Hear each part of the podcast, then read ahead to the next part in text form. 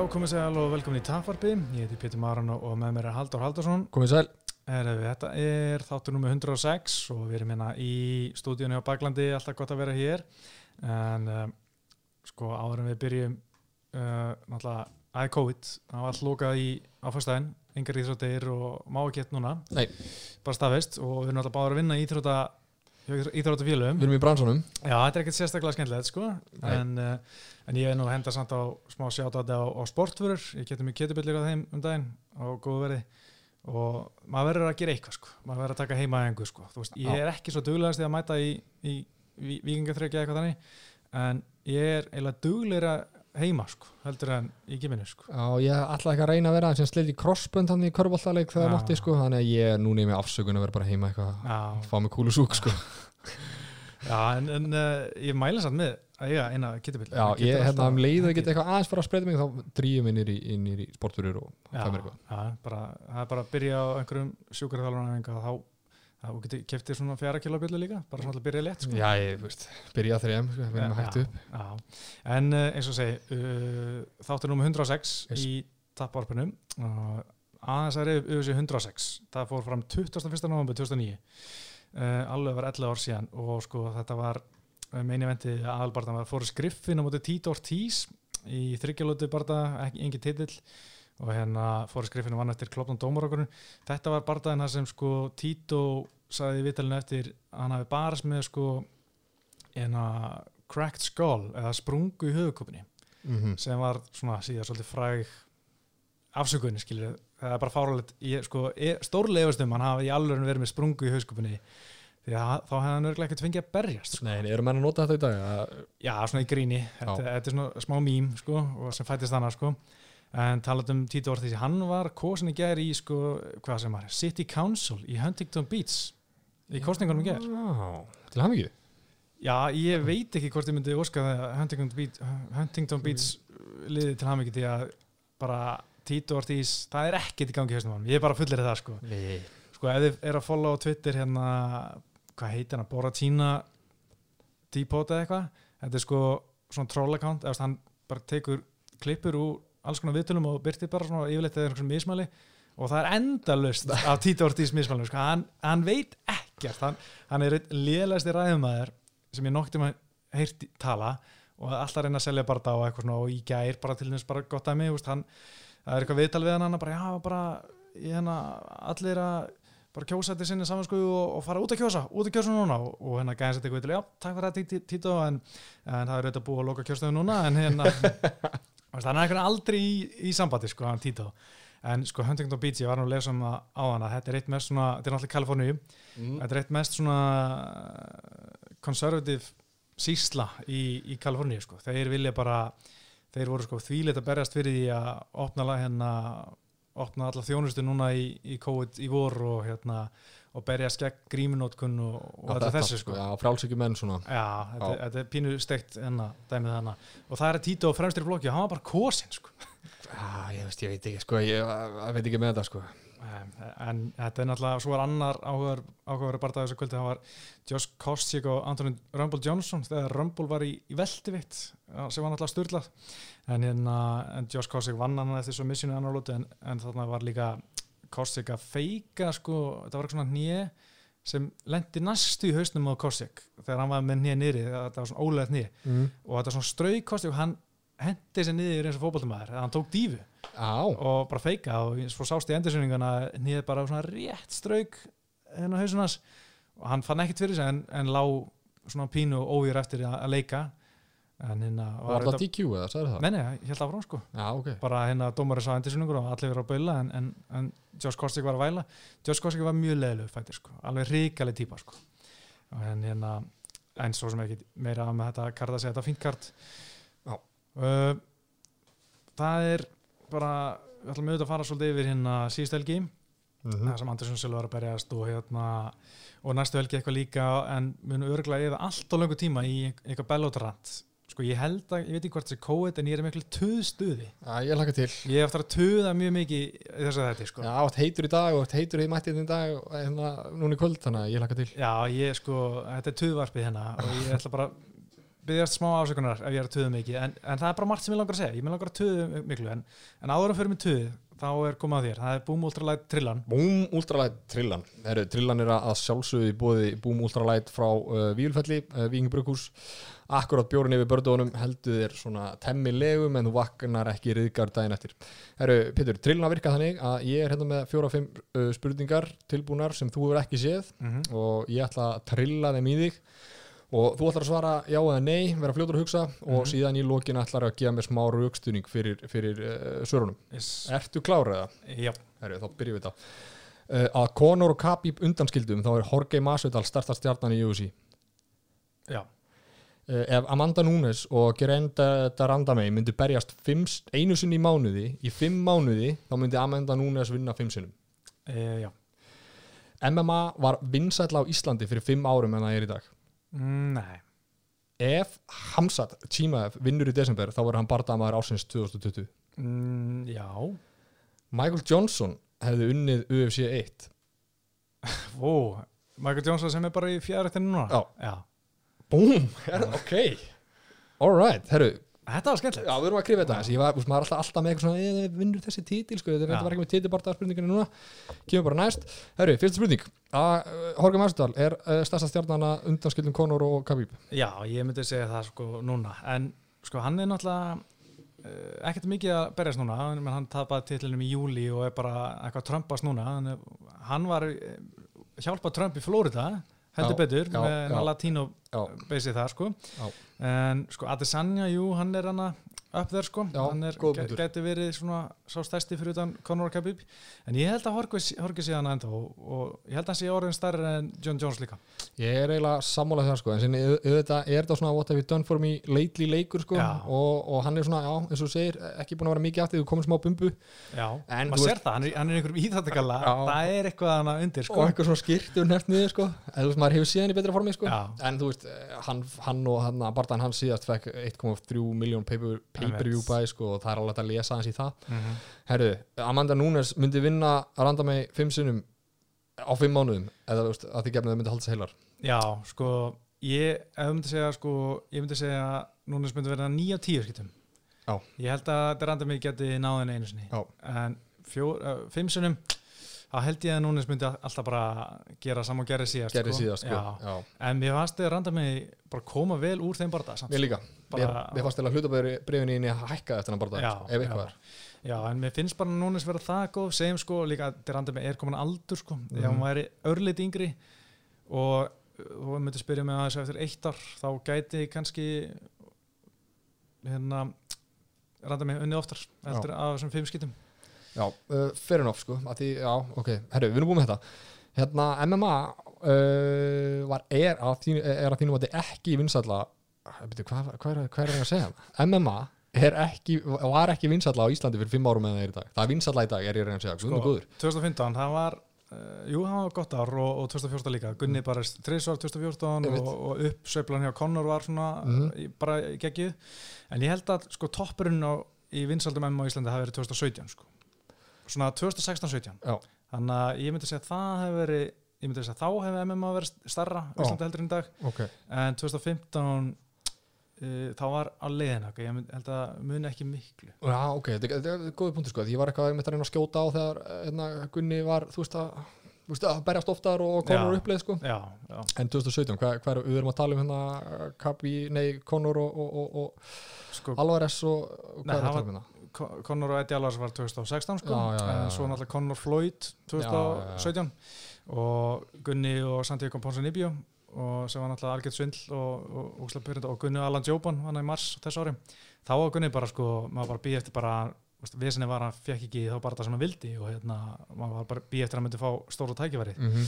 en hérna síðan náttúrulega komið þetta svolítið gekk ekki alveg eftir veist, Mm. þetta árið allan hjá Gunni hann náttúrulega var putað í hann og veitum öll hvað gerast þar og síðan mittist kjölfarið þannig átt að koma áttur hérna Og það allt í sko. mæði 2018 sko, það var svona pínu vesen sko Já, sem fylgdi en, en 2017 var líka gott ár og góð lesning og, og gaman að vera í, í búblinni. Já, sko, mín tilfinning fyrir þessu er að, já, fyrir hérna, þú veist, 2015, 2017, sko, þú veist, þá var kannski fleiri aug á þessu, en það voru svona fleiri sko svona tækifæris aðdándur þú veist, í dag finnst mér, mér fólk sem er að fylgjast með þessu þú veist, svona slowly growing en þú veist, þau eru meðvitaðari og er einhvern veginn svona meira inn, finnst mér Mhm. sko svona, þú veist, vita meira en bara að skilja er fyrir með þetta já, sko, mér fannst þannig, þannig að base sko Já, ég, sko, mér fannst svona með 2017, uh, 16-17 margir bara spyrja mig út í Gunnar Connor, ekkert Mhm. meira það, sko mér finnst í dag meira menn að spyrja mig út í bara þú veist, eins og bara Ben Askren og hérna, Já, já. Adesanya og svona, sem er ekki orðin alveg svona Gunnar Connor level, sko, á Já. Íslandi, sko. Þannig, góður, uh, góðpunktur, sammála þessu herru, Hamzat, Chimaev ef hann vinnur í Mhm. desember þá var hann bara dagmaður ásins 2020 þessi er ekki einföld uh, sko, þetta er náttúrulega rosa upprisa. Það var einhver annar sem ég var að hugsa um sem væri Bardamar Ásins sem var bara, hvort það sé að fara að berjast einhvern næstunni eitthvað í gangi. Jú, kannski var það bara Hamsat uh, já, sko náttúrulega Adesanya tvo sigra uh, þessu ári, fyrri ekkert geggjaður. Hvað, við erum að tala um Romero. Romero Já. og náttúrulega geggjaður á móti Pálu Kosta mm uh, Núñez, hún barist í uh, júni og svo Mhm. er að fara að barist í desember. Þú veist, þú veist það er engin svona einn sem búin að eiga eitthvað geggja ár sem er bara ábærið besti eða svona einhver, einhver stjarnar meistari sko. Nei, þannig að ég held að, að, að þetta sé pínu svona up for grabs sko. Uh, já, ég hugsa að sé alveg hægt að fara rauk fyrir því að að sé bara það maður ásins að hann vinnur Líðan Edvards Já, ég er sammálaðið það sko, þú veist, það er erfitt að gefa núna þetta er allt bara einhverjar, þú veist já, alltaf bara að vera fóður hana einhvern veginn, sko. Já, Svo er ekki, eins leiðilegt að það er að segja það, sko. Já, þetta er ekki mikið við sko. En, já, já, það eru örgulega margir sem sko ég hugsa að þegar við fyrir að taka þetta saman í lokarsins þá verða fullt að gæða sem koma allir greina. Já. en ég finn svona í miðvökun ára er búin að spilast og bara svona hugsa þetta svona fljótu bræði enginn sem stendur upp úr eins og fyrra þá var það fyrra náttúrulega Adesanya og Horka Maskall sem voru bara tveir bara lang já, bestir já, já, en kannski Adesanya hefði vinningina þegar hann vann í alvöru, alvöru titil en, en Askarinn var svona, þetta er rosalega ár svona stjórnunlega síðu já, já. Uh, síðan alltaf spilast inn í þetta, þú veist hversu mikla aðtiklu þú fer, sko, þú veist Þú veist, það er ekki bara gæðin að, hvað maður segja, gæðin á sírónuðinum, sko, já, einmitt, sko. að, þú veist, að Marta spilir henni Martinspilurinn, Já. herru, síðasti, síðasta spurningin Michael Johnson, hann hefði farið með Sigur og Holmi á UFC 1 Já, hann hefði sko? Já, hann hefði bara stoppað fellurinn á Hausgreisi Já. Hausgreisi var er ekki besti wrestler sem þú sért, hann alltaf frábær þá skilur í, á þessu leveli Já. en Michael Johnson hefði stoppað fellunar og bara bóksað hann og örgulega rótað hann bara Já, það er bara hafið það, sko, en hvenar okay, og síðan, síðan kannski móti, móti Ken Shamrock það kannski mikil þingdamunur en ég hugsa að hann hefði haldið því standardi og bara útbóksað hann sennilega, en það er náttúrulega engin, ekki time limit. Kannski hann bara klárað hann með höggum. Mm, mögulega bara tekið gillatín á hann skilur, eitthvað svona, því að náttúrulega leveli orðið miklu herra miklu í dag, sko. allra glímu heldur en, heldur en þá. Og Art Jimmerson, hann á bóksarinn sem Hóis Greisi klára, hann Já. hefði náttúrulega bara döpuleika hann og söpa hann líka sko, Já, já, og Uh, það gæði með einn hanska. já, einn hanska. mm, legend, sko. En já, legend sko. Það sem ég ætlaði að mynda að spyrja um, þú tókst þetta Kem, Kem Semrock að hérna, veist, hvenar, hvenar, sko, hvenar hætta gæði og svona hæfni til að slást að skipta máli þú komið það mikla stærða mótið þér, skilur Já, það er erfitt að segja sko, meina, sko Michael Johnson er að berist í 66 kíló fjæður veit en hann er labbandi um svona 72 kíló cirka, Mhm. segjum það. Ken Shamrock þarna, hann er hvað, 90, 93 kíló kannski þetta er alveg 20 kíló munur sko. Já, það er nú kannski nóg mikið. Já, það gæti verið en sko, Nei, ég segi, það, er, það örugglega ekki nóg mikið sko. nei, nei, nei, en sko því hann er alveg þokkalega góð strækjar en uh, Michael Johnson, að menn Ken Shamrock var það ekki. Mm að hérna þá held ég að Michael Johnson hefði, alltaf hann hefði ekki bara kannski, tíki á hann eða eitthvað, kýlt hann niður og, og bara máta hann og, og lama hann þegar hann er kynnt saman ára þreytur eða eitthvað. Þetta er skemmtileg pæling, sko. Sko, góð pæling, sko. Því ég myndi Michael Johnson er engin heimsmestri en, en vel rándið og góður fættir. Já, þú veist bara gæðin í dag er orðin það mikið ég held ég vera að vera samlega þeirra Herru, Já. þetta var trillin í dag, bóði Boom Ultralight Mhm. Takk fyrir þetta, Petur Já, samlegis. Herðu, það, ég myndi segja sko, stærsta frétt síðustu dag, frá fyrir utan það sem var að gerast í barðanum, var auðvitað Ísrael Adesanya. Mhm. Hann er að fara að fá titibarða á móti Jan Blackwood, hann, fara, hann heldur milli vittabeltinu mm -hmm. og fer upp í léttanguvikt það sem hann mæti Blackwoods og þetta er fyrsta titilverð Blackwoods. Hva, hvað finnst ykkur um þetta? Uh, Sko, þú veist Ég alltaf, við vorum að tala saman í dag áður við fórum að taka upp og ég svona fann það á þér, þú væri heitur sko. Uh, hérna, og var ekkert allt kannski ekkert, allt og sáttum við þetta, Mhm. en ég verði eiginlega að segja sko að hérna, ég er eiginlega bara frekar heitur fyrir þessu, að því sko rauk mín fyrir þessu er að þú ert með hérna þú ert með hérna Adesanya sem er núna, þú veist, hann er superstjarna. Og UFC vill mjólka eh, pening út úr honum og setja saman stóra bardaga og það er einhvern veginn bara tveir stóri bardaga sem komum til greina. Og það er Whittaker í eiga álfu sem er risastór bardagi eða þá að hann fari upp og, og reyni við léttvítabeltið hans Jan sko.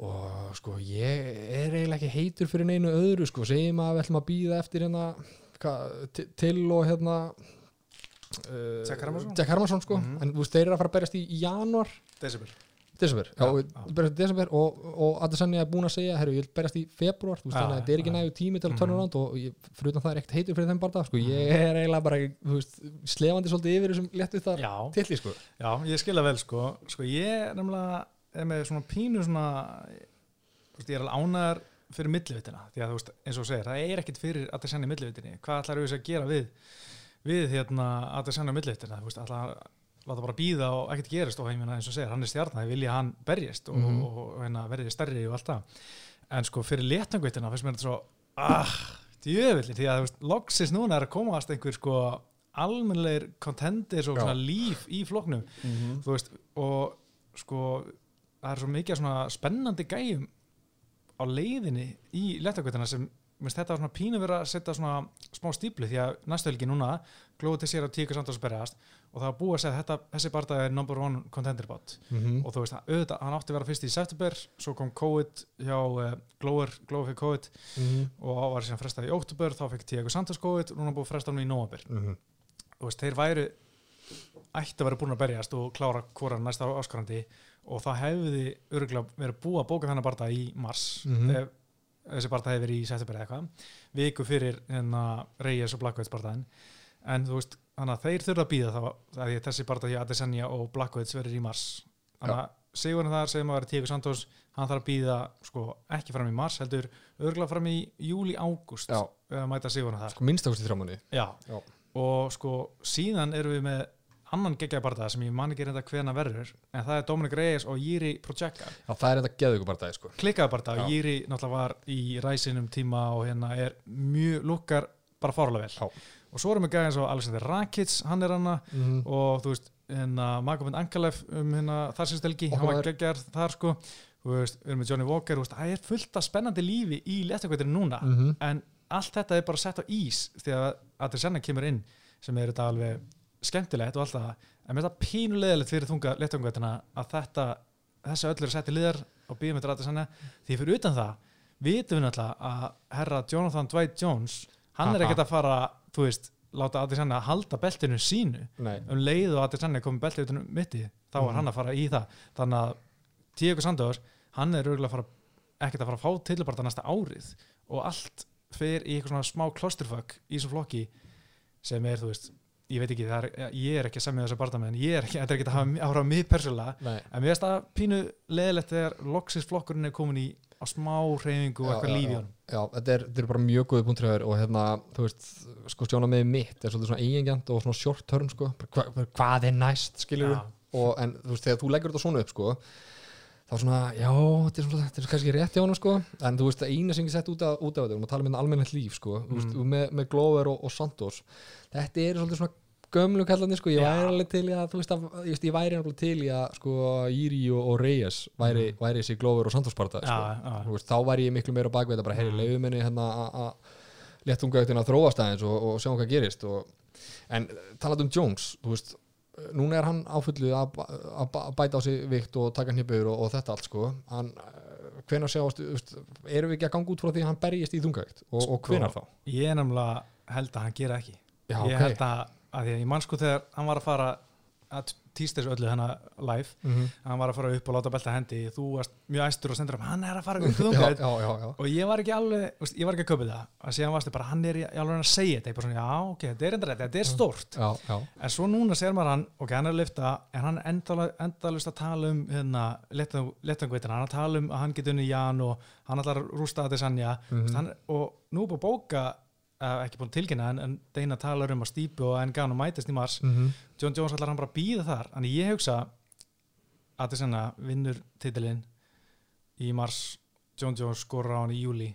International Fight Week og hann berst ekkert í þungætt þetta er bara allt til einskis. Já, og því að þetta er svo slæm tímasetninga Jones Já, að fara upp í þungætt ef hann er að bífa við millilega mhm. En ég meina e- þetta er bara allt slæmt við þetta fyrir John Jones. Hann er bara, eigða tíma ekki neitt. Já, hann er, hann er svolítið að mála sér til hótt sko og líka eitt í þessu með Jones sko að því að það er búið að bóka Stipe og, hérna, og Enganu að þú veist, er hann að fara í Curtis Blades eða þú veist, er hann ekki hvort að bóka þú veist, er hann að fara í einhvern þannig gæja sko, hann þarf eiginlega að býða þá eftir annarkvort Enganu og Stipe og strákar í, í, í þungavættinu taka sér oft tíma eftir bardaga sko, Mhm. þannig að það getur verið löngbið sko, þannig að veist, eina sem ég sé í þessu er að Jones, sko, ok, hann tekur á sig bæ, veist, æfir sig vel fyrir þess að þungavætt tekur hérna, býður eftir annarkvort Stipe eða Enganu og meðan gerir Adesanya bara það sem hann gerir í léttjötinni og þá, þú veist, eftir allan þú veist, það fáu þetta sko, það fáu þetta uh, hvað er að segja, Jones tekur eitt barða í, í þungaveikt Mm. og þú veist, eftir allan annan tíma og við fáum þetta long con, þetta long build up mm,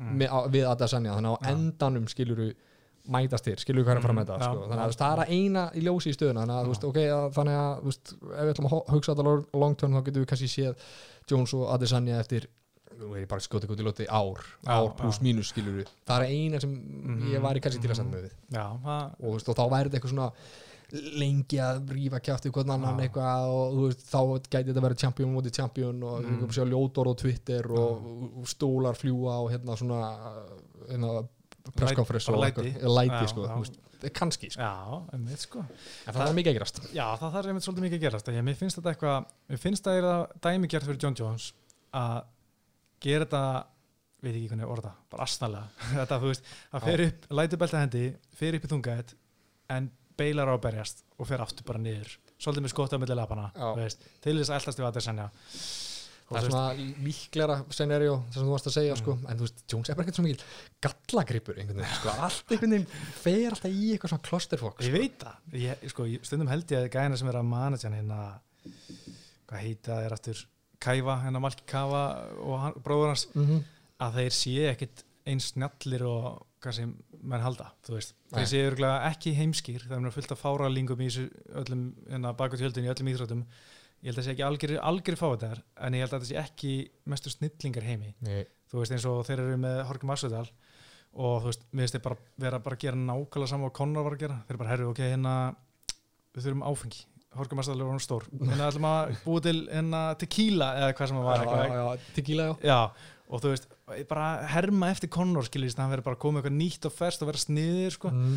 Ég held að, og líka bara með sér með John Jones, hann er bara velandi í svo miklu veist, auðvitað á hann hellings ábyrð þar inni, Já. en ég held líka að það væri hægt að manage hans, hann betur, sko. Ekki að ég sé að segja, ég geti gert það, en kannski sko alvöru, þú veist, heimsklassa umbásmaður, eins og, þú veist, umbásmaðurinn Conor, hann er með fullt að gæm í NFL, mm. veist, og öðrum en MMA, hann er, Conor var einn af fyrstu, sko, MMA fættur sem hann ákveða að tjekka á, sko, mm. og núna er með Adesanya líka sko, veist, þannig að ég held að veist, það er gæði sem kemur með reynslur að gæsa alveg öðrum alvöru íþróttum, já, stórum já, íþróttum já, já, veit hvernig á að manatja fyrirlin hjá einhverjum Já, íþróttumanni sko. sá gæi er ekki með skrifstofu heima á sér sko Nei, nákvæmlega sko. já.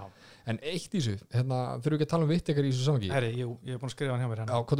alltaf koma sko, Dana White segir vitt ekki, vildi ekki berjast. Já. hann vildi ekki berjast, hann Vildi neitaði bara og ég bara sá þetta og ég vissi leið bara nei, þetta er- þetta er bull. Því að Mhm. hann er bara vitnið það sem vitningi sagði eftir blaðamarafjöndurinn að hérna, hann vill hann nenni ekkert að flýta sig, hann vill bara taka jólin og nenni ekki spá inn einu öðru. Mhm. hann vill berjast í aðeins einn daginn.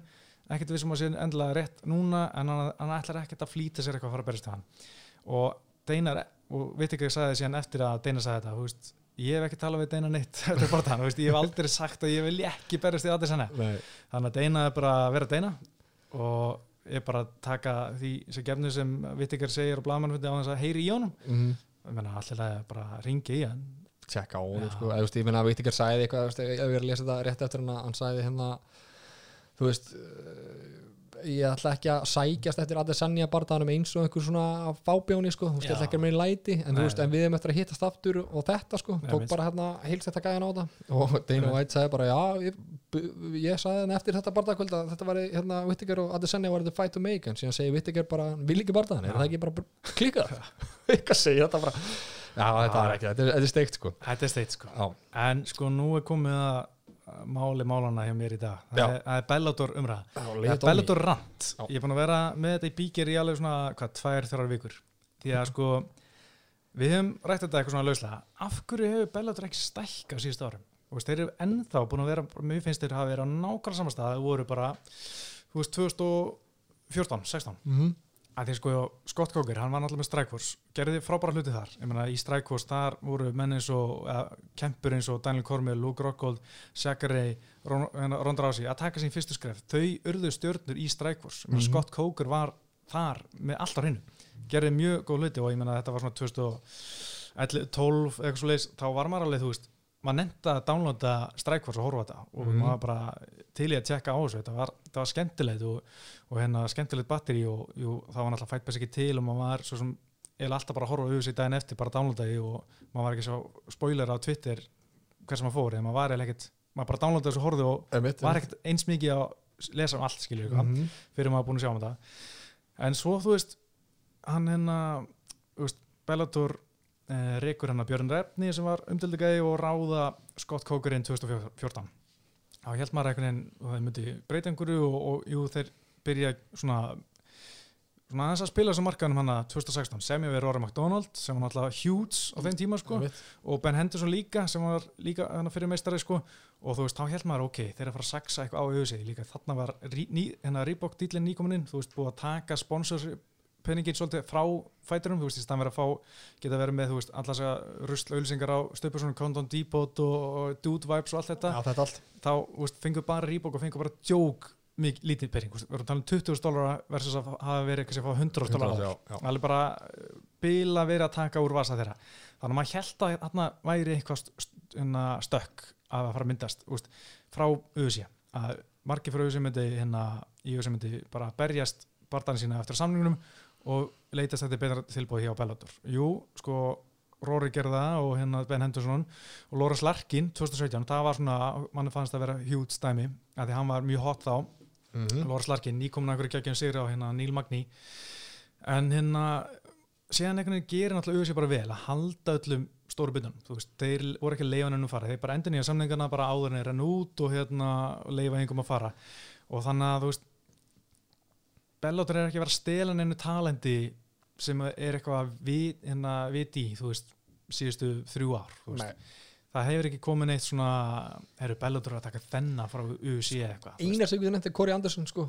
Og hann var að koma að tapi sko. Já, og þú veist, og Corey Anderson skilur það er bara sama eins og með Phil Davies UFC er ekkert að grenja á kottunum yfir að hans er farin sko, veist, þetta er ekki gæi sem þeir halda að vera meistari sem ég get alveg að vera sammála og líka gæi sem er ekki það spennandi oft. Oft bara margir bara Corey Anderson eru bara ekki skemmtilegir, þú veist fyrir svona casuals Nei, og við verðum líka að nefna núnes í þessu samíki en veist, Mhm. það er bara aðeins öðru í þessu markaður hvernig barðanir og, og, og kalla barðanir sko veist, ekki ykkur skemmtileitum, bara markaðurinn er öðru í Mhm. kringu þá sko Já, Núnes og Bellator, nei hvað Já, núnes er fann í Bellator Amanda Núnes, Já, Nei, fyrir ekki, Cyborg maður Cyborg Já, hvað gerast þetta? Já, Ég er alveg galinn sko, á. Cyborg og það var líka náttúrulega svolítið toxic samband skilur hjá Já, þessi já, já, já. en að Cyborg en, það er rétt, ég hef búin að gleyma Cyborg hún fór náttúrulega til Bellator í fyrra og bara frábært sko.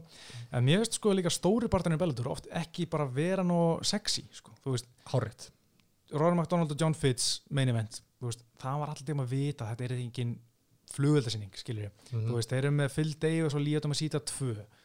Ég man eftir fyrirpartan, hann var ekki skemmtilegur. Af hverju þurfið að bóka þetta afstur bara því þetta er tvö þekkt nöfn henda ég meina veit, veist, það vissu allir og saman með Frank Mir og Raunin Nelson 2 það vissu allir að þetta er leiðilegur barndagi ekki spennandi, þetta er aldrei að fara að vera einhver flugvöldasýning en samt hendar þessu að þetta er stór nöfn og þú veist til þess að búið til eitthvað áhorfur en maður veit eða bara með mörg kvöldtíðan bara já, þetta verður ekki skemmtileg barndagi þú veist, með þekktu nöfni sem á að vera stóru barndagi Mhm. þetta er fullt af gæjum sem er hann að gegja sem eru kannski óþægtir en, þú veist, en þessi stóru nöfn þú veist, hafa ekki verið stóru þessi stóru barðar hafa bara ekki verið nógu spennandi. Líka bara þú veist þessi litu vil á pappiru fyrir eins og hérna Douglas, Douglas Lima og Gegard Mosasi í síðustöku Mhm. maður var mjög spennt fyrir þeim barða frábær, frábær barðamenn en þú veist endar á að vera þú veist að, Svona laklaustur já, sko. þú veist Já. auðvitað tæknilegur og alltaf Mosasi með tæknilegur.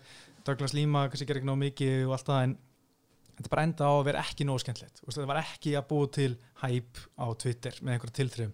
Og ég meina hvað er langt sem að sá eitthvað fight of the year í Bellator þú veist það veit ekki sko, það, vantar einhvern veginn stjörnur í hérna í, í, í Bellator sko. Og þú veist, þeir eru fastir einhvern veginn í, í skugganum á, á, á UFC og það er svona Mhm. að segja aða með að hann sko kókir í, í, Strikeforce og hann gerði vel þar og Strikeforce var eitthvað. En þú veist, það gekk vel þar að því að mér finnst eins og Strikeforce hafi ekki endilega verið að keppa við UFC, veist, UFC per se sko, mm. þeir voru þá aðeins að einbytta sér, bara einbytta sér að því að vera minni og, og, og byggja upp stjörnum sem leifa þeim að fara sko, Bellator er ekki því, þú veist, þeir við UFC og þú veist, manni finnst eins og þessi að reyna að opna einhverja marka í, í Evrópu, þú veist, aðeins að reyna að færa sér fyrir bandaríkunar og koma þennir Englands og núna Fraklands og Mhm. þú veist, og þá finnst mér sem áhagmannum MMA að ég ætti að vera að fá einhvern veginn svona meira target eða á mig, sko, já, já, frá Bellator, en þú veist, sko. ég, þarf alltaf að fara að leita mér að einhverju efni og heima sem þeir eru einhvern veginn Mhm. skrítin og þú veist, það er ekki nóg mikil umfyllin, sko, Nei, veist, ég, hérna- sko, ég fyrir bara beint í þetta, því að sko mér langar að gefa Bellator peningi mín Þess, mér langar að gefa pening. Mér langar að kaupa þjónustu að. Þú veist, mér langar bara að segja bara, herri, ég skal kaupa hérna að ykkur þúsunga, tvöskall kalla mánu ég skal horfa á þetta, þú veist mér langar að gera, en stundum veit ég ekki hvar á ég að horfa á Bellator lögla, þú veist. Og hérna, það var lengi vel, var það bara vesen, sko, mm Mhm. og ég var, var að heyra, jú, hérna herri, þú varst að kaupa bandarska rátir svo varst að ná í þetta app á Apple TV já, þá já. getur horft þetta, Þú veist, ég nenni þessi Nei, þú glemdi veist. því, sko. Ég er bara almenn neytandi, ég vil vita hvernig horfi ég löglega og á Bellator og þú veist, ég skal borga fyrir það. Mér langar bara að vita hvernig ég gera það. Mhm. þú veist, það var svo lengi vesen og þú veist, eins og ég hef kannski áðursagt ég fæ reglulega e-mail frá einhverju PR fyrirtæki í London sem er en að sendi mér vegin results og herrið, Bellator er í kvöld, þessi er að berast. Eitthvað, English knockout artist fights to in London tonight. Eitthvað svona, þú veist, fæ, fæ þetta reglulega? Með reym og allt, já, sko. já, það reymur á þessu og, hérna, og þú veist, þeir eru alltaf að senda mér hérna Bellator landar einhver sanningu við Channel 5 uh, Bellator verður senda Paramount Network núna Mhm. Bellator komin að DAZN eða hérna D-A-Z-N. Já. Bellator komin að Sky Sports og Bellator komin að BBC og svo bara sá ég allt hérna fyrir tilhörni þetta frýtt á YouTube meinkarti, prílis, allt frýtt á YouTube já, já, já. og það var enginn að láta vita veist, hva, e- ekki á heimasínu ekki á Twitter, ekki á Bellator Europe Twitter akkantinum, Mm, mm. enginn að segja já, herri, þetta er frýtt á YouTube byrjar á miðnætti kvöld. Já. þú veist, ég, ég skil ekki, veist, vilja vel er ekki að horfa á þetta. Já. og þú veist, jú, það er eiginlega mikið að hugsa um bara, þú veist, breskan marka Írland og, og Bandaríkin, þú veist, það er að dæmi, en þú veist, ef þetta er frýtt á YouTube, okkur er ekki bara að láta heiminn vita? Já, þú veist, ég held að þetta YouTube stönd þeirra var sko, að, sko, nú er ég bara að gíska sko, að þetta hefði verið, herru, reynum að fá hérna, eins og, eins og þú veist að segja veist, það er erfitt að, einhvern veginn að, að- að gefa þeim peningin sinn, þú veist, reynum að fá hérna ný augu og hérna, og höfum þetta bara fylgt á YouTube hérna nokkuð kvörd og, og kannski, veist, við einhverja fylgjendur, þannig já. þessi hann bara veit ekki neða sko. Nei, einmitt sko og líka ég, lóðlaust, sko. ég hérna hafði samband við þetta PR fyrirtæki sem sendir mér reglulega einhverja innhald þess að posta það bara, herri, er Bellator frýtt á YouTube núna? Bara svona í sömkvöld, það kemur ljós. Og Já. viltu að við sendum á þig núna broadcast details, ég bara, já, endilega. Ég hef ekki fengið það síðan, sko, þeir bara samt senda ekki. Já, og hérna hann er alltaf jafnlost, þannig ég þarf alltaf að tjekka bara á Day, er komið linkur? Já, herri, þetta byrjar hérna eftir 12 tíma hérna Bellator, mm Prílins og Mengarti þú veist, ég það bara, ég treysti ekki að kvöldi sem verður núna á fimmtudaginn það verði í beinna YouTube, ég er ekki viss. Ég ætla bara, ég vona og ég mun tjekka á fimmtudaginn þegar ég vakna, sem er náttúrulega í dag þegar þeir eru að hlusta á þetta örgla já, þau er ekki það. En hérna, já, þannig að ég, mér finnst það pyrrandi að, veist, lengi vel hef ég bara ekki vita hvernig ég á að horfa á þetta lögulega en svo er annað sem verður ótrúlega mikið töðan mér það er, þú veist Bellator London og Bellator 23 saman kvöld í sömu höll og þá er sko, og svo Bellator London er þá sko á Channel 5 og Bellator 23 á Paramount. Þú veist, í sömu höll, sömu áratur ef ég ætla að horfa þetta, það er ég að vera að skipta um stöð. Og ég er kannski ekki með Channel 5 eða Paramount Network af hverju er þetta ekki allt bara á sama stað Þetta er skrítið sko, þú tala með þessar þessa sjómasettur sko, þú veist, þeir voru, er einhver núna, Bellator er núna komið á hana CBS, þeir voru samt lengi vel á hana Spike Network. Já, sem var breytt í Paramount svona, eitthvað. Já, ok, og þetta Spike, sko, sko markkópurinn fyrir, fyrir, fyrir Spike er einhverju sem vilja horfa á sko violence og svona Mm. semi-klám og, og alkohól. Já, og veist, og Bellator eitthvað svona samsara sig við því brandi Mm. og þú veist, og ef þeir alltaf gera það, þá þurfa bara allir bardaðar að enda einhverju þvílíku blóði og menn hendur búrinu eða rótaður, sko, Já. og það er ekkert allir bardaðar þannig, þannig að Nei. þú veist, þú ert með þennan markkóp sem vill sjá einhverja, sko, þess að just bleed gæja, sko, sem vilja sjá Mm. okkar blóð sem kemur kannski fjóri bardaðir röður sem bara glíma skilur og, og þeir slæmt við það þannig séð skilur en þeir eru bara ekki með áhuga á þessu og það er svona, finnst mér skada mm. Bellator brandið TV sko að, þú Já. veist, að skilur hvað er fram Ég var nefnir sko, UFC var lengi vel á Spike TV bara Já. með Prelens og, og Tuf á það hann gerir Fox Sports dílinn hann Mhm. 2011 það, en, en síðan, þú veist, eða Bellator fara ánga hvað 2016 og svona, svolítið mikið skrið tilbaka finnst mér einhvern veginn svona, Já. mér finnst það skrítið sko, en mér finnst það líka svo skrítið sko, þú veist, þetta er ekki sko Bellator Dublin var á Channel 5 fjóru bara þar, svo Bellator 27 sama höll, sama kvöld bara sam, sama kvöld á Paramount með 5 barða, þú veist, og þetta er alltaf svona skiptir svo milli, veist, Bellator Paris og Bellator 24 sama kvöld og, og hverju stöðin einhvern veginn. Og gerast á sama, ég, ég skildi ekki þetta er alltaf flókið sko, það er alltaf flókið eiga viskitið þá sko. Ég segi það, sko, og það er bara hérna já, maður veit ekki alveg hvað langtíma plan er, að ég sko Viacom, Vi- Viacom, hvað sem þetta heitir á Bellator, það er náttúrulega þau eiga fullt af sjónvastöðum í, í bandarækjunum þetta er alveg risa meðal annars Channel 5 í Breitlandi, þetta er risa company sko, þeir eiga alveg pening, Mhm. það, það er ekki vandamáli en mér finnst eins og það sé bara að nota Bellator í að byggja upp einhverjar sjónvastöður hjá sér, það er bara, ég held að þeir eiga örgulega Spike TV eða Paramount, bara herru, hendum hérna Bellator hérna, fá áhorf hérna Mhm. og Channel 5 hérna en sé ekki að nota þetta til þess að þú veist búið til eitthvað langtíma plan Nei, það er þetta langtíma plan, grípa það alveg því að vantar einhvern veginn svona long term vision í hvað þeir eru að gera sko. það er eitthvað, eitthvað ráku þannig Jimmy Smith sem veist, gaf þessu víst eitthvað svona pro professionalism hann Mm. Jimmy Smith sem var lýsandi sko, svona gaf þessu smá professionalism og svona ná að halda ró og einhver svona bulli sko. Mhm. ráku hann bara eftir nýja ár að gefa ástæði fyrir var hann UFC, ekki bara UFC bara pikka hann upp strax já, var hann reikin Já, og látið fara bara eftir nýja ár og engin ástæði gefin ok. og UFC bara, herru, pikka hann upp veist, mikið eitthvað svona mm. fuck you frá UFC sko, fyrst þú ert að tala um commentary lýsing, uh, lýsingin hún er, er svo skelvileg Bellator ég meika ekki þetta kombo af, af hérna, Mike Goldberg, Big John McCarthy og Josh Thompson, Já. því að þetta er bara þetta er skuggalega liðlegt, veist, ég veit alveg ég pæli, og stað ég maður stundum að lýsa via play og eitthvað, Mhm. ég pæla oft í þessu en veist, ég myndi ekki segja að ég var einhver sérfræðingur en bara ég hlusta á þetta, ég bara, hvað er það að gera? Veist, þetta er bara að hlusta podcast, það er þessi, podcast að horfa bara það gott tweetið þarna þarna sem þú lækaðir hérna, hvað var aftur, að eitthvað gæði sem sagði að hann var fallegt af, hérna, fallegt af Josh Thompson og, og, og McCarthy að að láta ekki bardaðan að stoppa sér frá samræðinu sínum skilur, þeir eru bara að tala saman sko. það er 100% máli, sko. þetta er svo fáralega fyndið því að sko, sko sérstaklega Mike Goldberg, hann er náttúrulega alltaf með sitt trivia, bara skiptir ekki máli hver er að berjast hann er búin að finna eitthvað trivia á Wikipedia og skiptir ekki máli hvað er að gerast í búrinu hann ætlar að koma með hana punkt sko.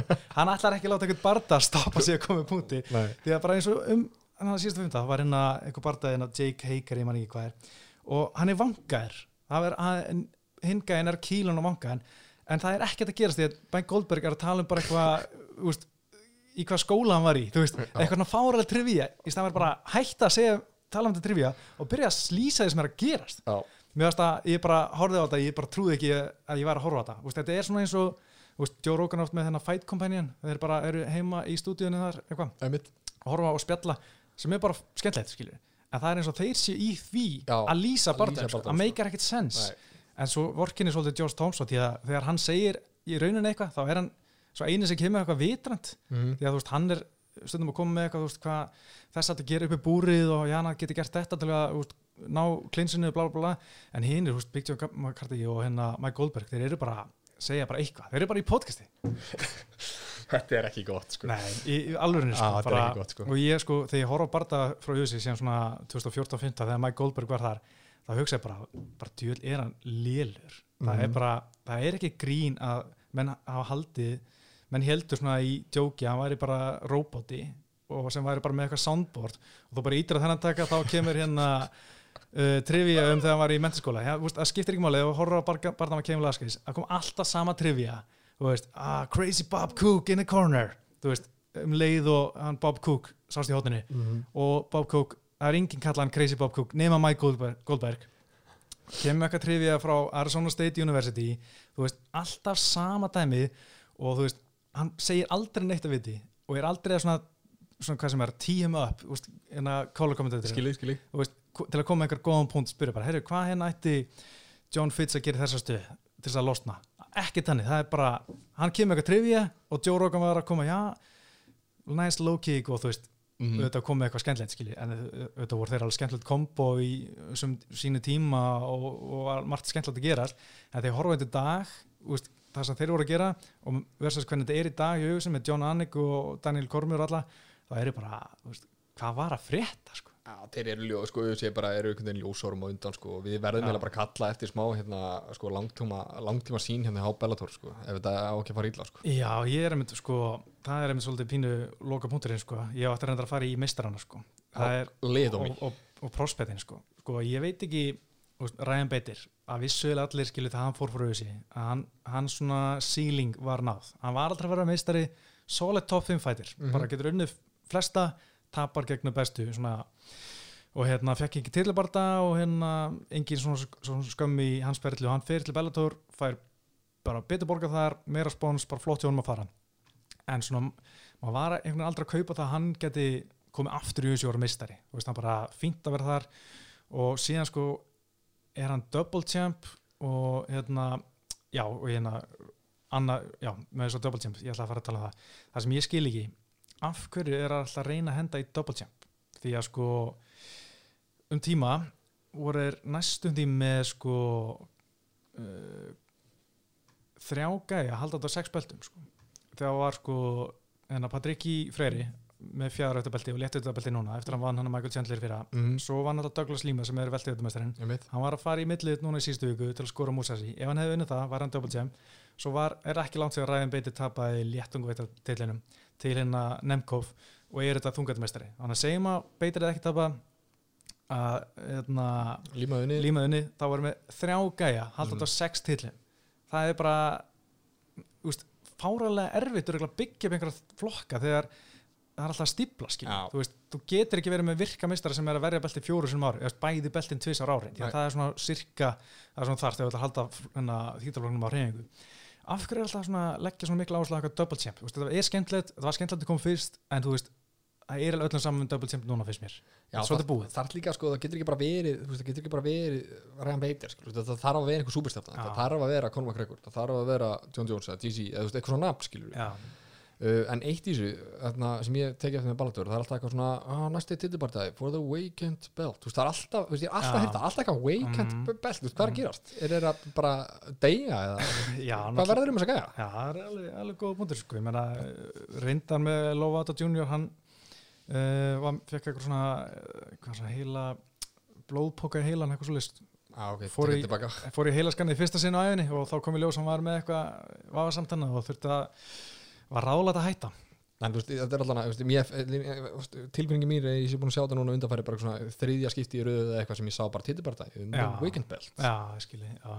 já, það getur verið að það sé algengra að maður en, en hjá Ösi, ég er alveg, getur, getur vel trúði en svo er annars sem fyrir opbóðslega tönum mér það er eiginlega hvernig, hvað er lengi að byggja upp prospect Úst, Michael Venom Page mm -hmm. hann er sko 14-1 í Bellator hann er 18-1 að MMA-færlinu sem og besti sigur hans er Paul Daly og Ross Houston í síðustelgi hann er búin að vera í Bellator síðan 2013 Mhm. hann er búin að berjast við svo mikið af einhverjum cans að það er bara þetta er ekki hægt lengur sko. ég er bara sko af hverju hefur hann ekki ennþá barast við Andri Koroskov barast aldrei við Róra McDonald ekki að barast við Loras Larkin ennþá og ekki Neyman Gracie og enginn er sem topp gæði með veltivitinni hann er bara einu sem hann fara mútið Douglas Lím og þar sem hann var steinrótar Steinróta, sko. Mér finnst þetta að sína bara eitthvað Bellator í viðkvæmi stöða því MVP er svona eina nafni af svona, eitt af þessum mjög fáu nöfnum sem fólk Mhm. kannast við sem er ekki eitthvað hangandi á bellator.com alla daga sko. Já. þannig þeir meiga ekki láta hann eitthvað tapa mikið skilur Já, þú veist, það var alveg hendur í þess að úlfa hana þú veist, þá væri hann bara, þú veist, þá væri hann ekki 81 sko, þá væri hann Mhm. 85 sko, og það er ekki gott fyrir þá, það sýnir bara eitthvað Bellator í viðkvæmi stöðu Mhm. þannig séð sko. Mhm. Mér finnst náttúrulega ómikið að vera einhversum mismats þar sem Bellator vill að þessi vinni og sá maður sérstaklega svolítið svona að tilfinningin mín á hérna Eurosjónum mm. veist, Mhm. í Europakvöldunum, þú veist, Bellator Dublin kvöldunum þar sem Írani fá hendug matchup fyrir þá Mhm. byggja upp stemningu í krátinu þá og svaka gaman og allir fara heim blúsandi ána með Bellator en þú veist, það er engin spenna fyrir áraður heima í sófa sko. Nei. þú veist, þú veist bara að þetta er, hann er hann er að fara að rústa og og maður vissi bara, já, hann, hann vinnur þetta. Þú veist, verður svo mikið svona það er ekki náttúrulega spennandi ef þetta er svona, ú, ég veit ekki hvert eitthvað þetta. Þú veist, það er oflítið þannig fyrst mér í þú veist, hjá þessum stóru nöfnum í Bellator Já. og, og þeir með þessi prospect sko. Það er svolítið svona eins og, eins og boxmódelið sko. Þú veist, þetta eru bara gæi sem tekur þetta einhverja 35 barða við einhverjar dósir og tekur sér eitt titibarda sko. Mm. mm. þú ert enginn í boxi nefnum þú sért með 30-0 eða skilur ykkur frá þetta já, já. þeir eru að fara til því mótili, þú veist, það nenni því enginn sko. Nei, einmitt, það er ekki að virka sko. Og líka með svolítið lengi hennar James Gallagher að fá veist, síðan tapar hann og þá fara hann tvær pulsir röð eftir það sko. veist, hann Mhm. þarf ekki að fá tvær hann er alveg komin þangað upp sko. mm -hmm. það þarf ekki að byrja alveg svona aftalega sko. og þú veist, jú, sem er að anstakra sem meðist og verið svona erfitt en mér finnst allt og mikið af að menn, fyrir utan aðra píkó að, að hérna, menn fá bara alltaf auðvöld af anstæðinga hérna, of lengi Mhm. í hérna það byggja upp þessa gæða en þeir gera mjög vel að, að sæna góða gæða snemma. Og ef þeir gætu svona veist, þeir eru náttúrulega að reyna að koma svolítið af stað, þú veist, MMA-ferðlum er að sæna þá, bara eins og AJ McKee sem er að berja svona í nómabur, hann var 0-0 eða núna 16-0, allt í Bellator sko, sem pró, mjög efnilegu strákur og alltaf bara 25 ára gammal og hérna er að fara í titilbarta núna í, í nómabur, en þú veist mér veist allt og oft sem menn eru bara fara á móti einhverjum cans of lengi. Já, það, veist, það er eitt sem ég finnst kannski vita Bellator dæmi er að mér finnst alltaf lægi að gera að gefa, þú veist, tune-up fights mm að menn fá eitt tune-up fight sko. já, já. En ekki fimm, sko. Mhm. þú veist, UFC, sko, þeir gefa engum tune-up tune fight nefnum þú heitir Conor McGregor og ert að mæta cowboy hérna. Mm -hmm. þannig að sér það ekki, sko, þú veist, það mætti kannski vera aðeins meira af því í UFC, sko Já, en, en. Bellator gerir of mikið af því, sko mm -hmm. að vanta pínu milliveg sko. Uh, Anna sem fór törnum er bara að því að vorum síðustu helgi, Bellator 250 það liði 28 mínútur á milli main event og co-main event það ekki allt og langt og, og sko það var ekki svo co-main event endaði eitthvað í fyr- fyrstu lótu, þetta var decision sko mm. og samt þurftum að byggja í 28 mínútur eftir main eventinu skilju, það er of langt þegar þú veist að horfa á þetta 15 skvöldi sko Já.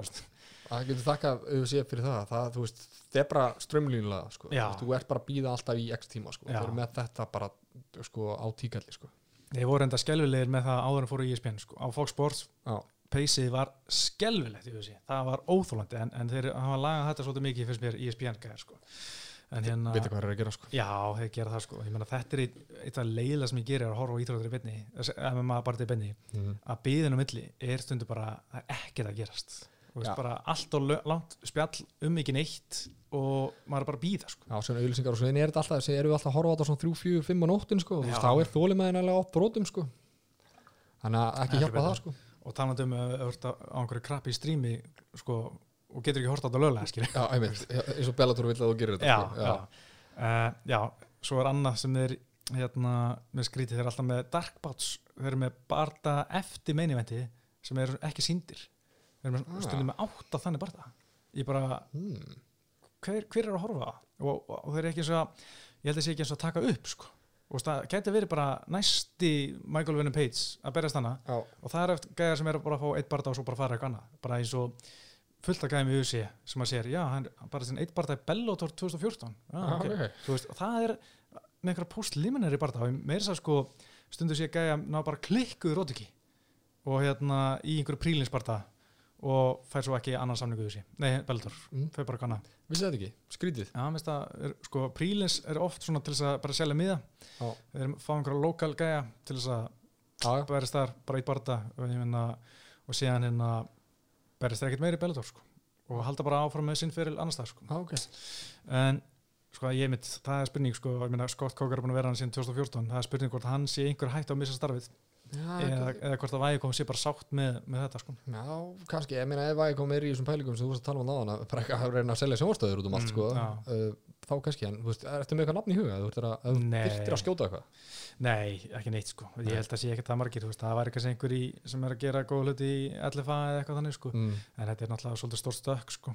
að fara úr einhver svona í Bellator sko. Já, það er bara Bellator við sé langstæst og já uh, svo eindar, eitt sem ég verið að hrósaðan fyrir það er hérna þessi tournament. Þau hafi gengið vel, Já. fyrir utan náttúrulega COVID að skemma, mm þetta fjárvíkta tournament það er búið að vera þræl skemmtilegt það er með eiga það, já? Já, velti við þetta tournament, það var mjög skemmtilegt. Það tók uh, um það byrja eitt ár og mér finnst það bara mjög skemmtilegt að mm það var alltaf svona mikið undir fyrir, í, hver, í hverju barða Hvað er hérna velumfið, hvað er það aftur? Ég held að það hafi verið miljón dólar og var ekki eitthvað 50 cent að koma með það var það í er, það PFL? er það ekki Já, uh, PFL? jú, getur verið, já Það var alltaf eitthvað million dollars einhvers staðar, sko Já, ég man ekki hvað, en það var alltaf titillin sko, Já, meistari sko. Já, já, og öllu þessi tí- tíu fylgir, sko Já, jú. En, herru, Bellatorandi er búið ég, Takk fyrir þetta Já, ég bara þurfti að koma þessu fram mér sko. Já, gott að, En ég er samt alveg viðkjörn það að að það mun auðvöldar að horfa á Bellator núna á 15. kvöldum eða, og maður hor- horfir á þetta á föstas morgun núna mm og bara á YouTube. Á YouTube. Það er mjög þægilegt. Ég bara handa það ekki. Uh, síðast helgi. Já.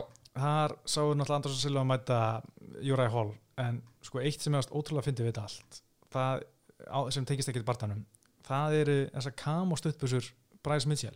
Á, veist, það, þeir, þetta var náttúrulega Reebok stuttbusur Mhm. og Bryce Mitchell er búin að tala um þetta í einhver tvö ár fá kam og stuttbusur því hann elskar að berast í kam Mhm. ásaki og veist, það var UFC var með eitthvað sér promo-vídeó um þessar stuðbúsur fyrir og það, þú veist, það er bara að taka tvö ár og nú er Bryce Mitchell og Conor McGregor einu fætina sem hafa ekki einhver sér stuðbúsur Reebok. Já. og þú veist, mér finnst þetta bara vandralegt í staðan fyrir að vera, hampus ég horfa þetta bara, þetta er bara vandralegt að, að teki tvö ár að fá einhverja kam á stuðbúsur fyrir þig. Þetta á bara að vera bara auðveldast í heimi bara, herri, viltu kam á stuðbúsur og eða orðin bara með til búið með þrjá barda var þannig flóti, bara herri, Mhm. hendum kamastöfnum þennan, já þessi vill hérna stöfum þessu íslenska fánleitinum, já, græðum það bara. Veist, þetta á ekki að vera mikið vesen og bara hampa þessi bara, herri, við græjum kamastöfnum fyrir Bryce Mitchell. Horfðu á vídeobakka um þetta núna. Já. En þú veist, þetta var einhvern veginn svona, þú veist, ég held að Rýbak ætlaði aldrei að gera þetta sko. En síðan var einhvern veginn, þú veist maður er búin að töðum þetta eftir einhvern einasta barða Mhm. og þetta var svona, var að fá smá fylgi og fólk að fara að halda með honum á samfélagsmiðlum Mhm. og þá loksins sá þeir eitthvað tækifæri í þessu, ég held að ætlaði aldrei að gera þetta, síðan Nei. svona, herrið, þetta er komið með smá traksjón, hérna, Já. þú veist snúmum svo okkur í hag, látum hann að hafa þetta og hérna, og hérna, eins og þú segir, hömpum okkur fyrir það en, en mér finnst það bara að vera svo fáralegt að, að það sé svona erfitt að gera smá öðru sem fyrir einn fætir þú veist, að, að það á að vera bara næstu því standardin þú veist, þú eins og var, þú bara getur bara valið, þú getur bara næstu í hanna þína einu stöpusur, en staðan getur valið um nokkra liti, og ég veit ekki eins og hvort það getur eins með þess að alltaf valið um litin. Og Nei. fær bara einhver stöpusur Já. ég meina Andrós Silva var alltaf á hann Rýbukom í guluböksum með svörstum svona línum. Bara einkennandi fyrir Andrós Silva.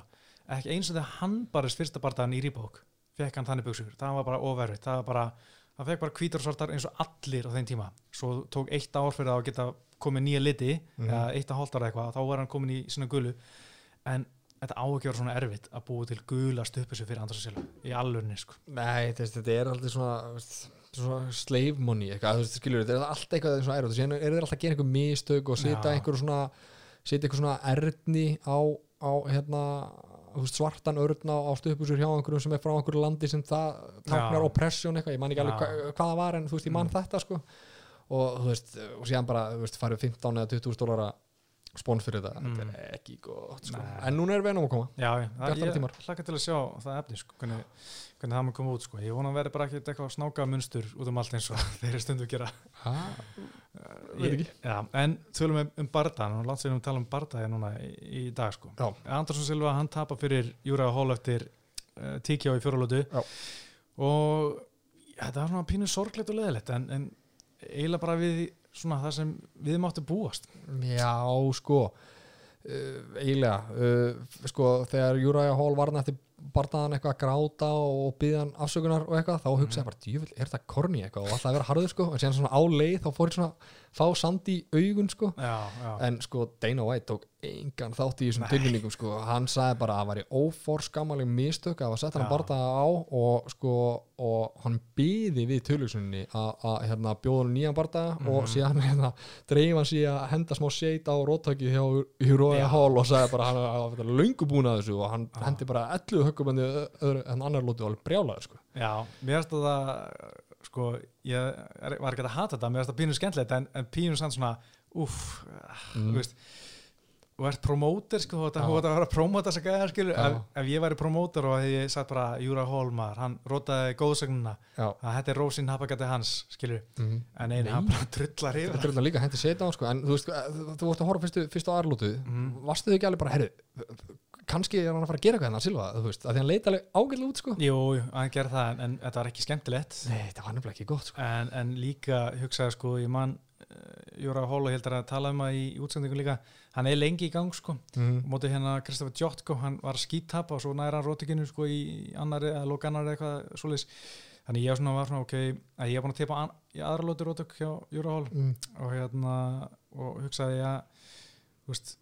eftir aðra lóti, kannski er Andrós Silva að fara bara siglu svo ekki næra hann einu höggin og þá ekki fannst mér að vera svona tímaspörsmál vel bara hvernig hann myndi, myndi klára þetta sko já. en þú veist Andrós og Silva sko, þetta er svo, svo sorglegt, þú veist, í mann sko þegar hann var maðurinn, hann Mhm. var bara legend og þetta var gæinn sem var sko, ef maður var einhvað eitthvað að tala með maður við einhverja, einhverju bara sem við ekkert um íþróttana mm hann er bara, hefur bara að tjekka þessum gæði Andrós og Silva, Já, hann er já. fokking klikkað góður sko, Já. bara og maður vakti eftir honum og maður netti kannski ekki alltaf að vakta, vaka en þegar Andrós Silva bara veist, þá bara varð maður að vaka því að bara allir, til að sjá hvað er hann var að gera núna -hmm. og þú veist, allir voru hrætti við hann og geggja fætir, geggja nettur núna finnst mér hann eiginlega vera bara einhver umkunum verið lítill kall sko. Það svo leiðilegt þetta er svo sorglegt þegar maður sé mistar að vera að fara út á, á bakinu eins og þau segja sko, þetta er ekki gott og allar reyningarnar hans sko, þó ég var eitthvað að segja þetta rétt á hann að, að, veist, að hann hefði líka lítið ágætlega út í, Mhm. í fyrsta og annar lóti sko, en allar reyningarnar hans voru ekkert eðlilega leipurt og það var Já. hægt og, og síðan þetta róttökja og uh, hjá hól var einhvern veginn eiginlega alveg eins, það var mjög merkilegt það var eiginlega alveg eins og hérna knockouttið sem Silva tók á Forrest Griffin hérna, á, á sínum tíma sko, Griffin eitthvað hjóla í hann og þú veist að eitt counterstrike og hann Mhm. lá sko. Svona mm, er samt eh, allt við þetta er einhvern veginn svona ah, þetta er ekki, þetta er eiginlega bara sorglegt sko. já, mér finnst það leiðilegt og líka þú veist, Andrós Silva þú veist, ég, hún finnst þetta bara svo gaman Mm. en hann er bara svo lélur, eða þú veist, miður hvað, hvernig hann var Já, og þú, það er svo leiðilegt að sjá það en hann er alltaf svona eitthvað bara svona já, æ, ég, ég tapa bara núna, ég var rótaður ég, ég held áfram, ég kem aftur, eitthvað 45 ára samt sko. já, já, Þú ert 45 ára gammal sko. Og hann einhvern veginn sko, allt promósionið og hérna auðlýsingarnar í, í, í, í, Fight Week sko, á mm. samfélagsmiðlum og YouTube og þe- þess öllu sko, var Mm. bara eitthvað síðast í bardaginn Já. hjá legendinu, na na na na þetta er síðast og í, ki- þú veist, þegar var þetta menninir í, í lýsingunni bara síðast í bardaginn hjá þessum mhm, en síðan í þessum tveim viðtölum Já. þreim sem það, Silva kom fram í bara eitthvað, já, þú veist, ég, nei, ég var einn eftir og þetta er bara að sjá hvað gerist en Ég. UFC tók bara fyrir, fyrir, fyrir hendunar á hún sögðum bara, þetta er síðast í barðanars er já. Sjá hvað gerist. Þetta er örgulega síðast í UFC hann er verið örgulega bara köttar sem er fárulegt að, ég meina saman bara með BT Penn hann var köttar að þetta var bara ómikið en ég held að Andersson Silva sé ekki hættur, hann fer ja, kannski Bellator já, eða ég vil bara í hérna ber nokkur boxing eða eitthvað kjafta og fer á Já. móti Vít og Belfort aftur þar. Mhm. eitthvað svona algjör drugl. Og þú veist, uh, verður einhverjum sorglegum pakka þar.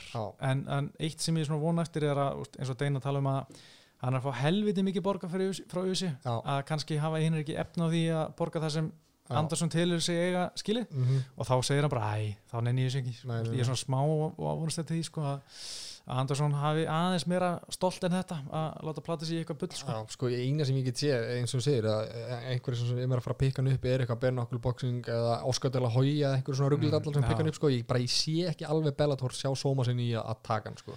Ef þeir gera þá er ég bara svona þú veist, herru, Pétur, þú er nýtt ránt hérna, í næsta þætti sko. sko, það má samt sko, ég manu þegar Bellator var upp á svo vesta með Scott Coker þegar voru að láta hann hérna data 3000 og Kimbo Slæsberja Já, og hann fór upp á spítala því hann var næstu fór hjartafall hann gæði sem vann sko. Mm -hmm.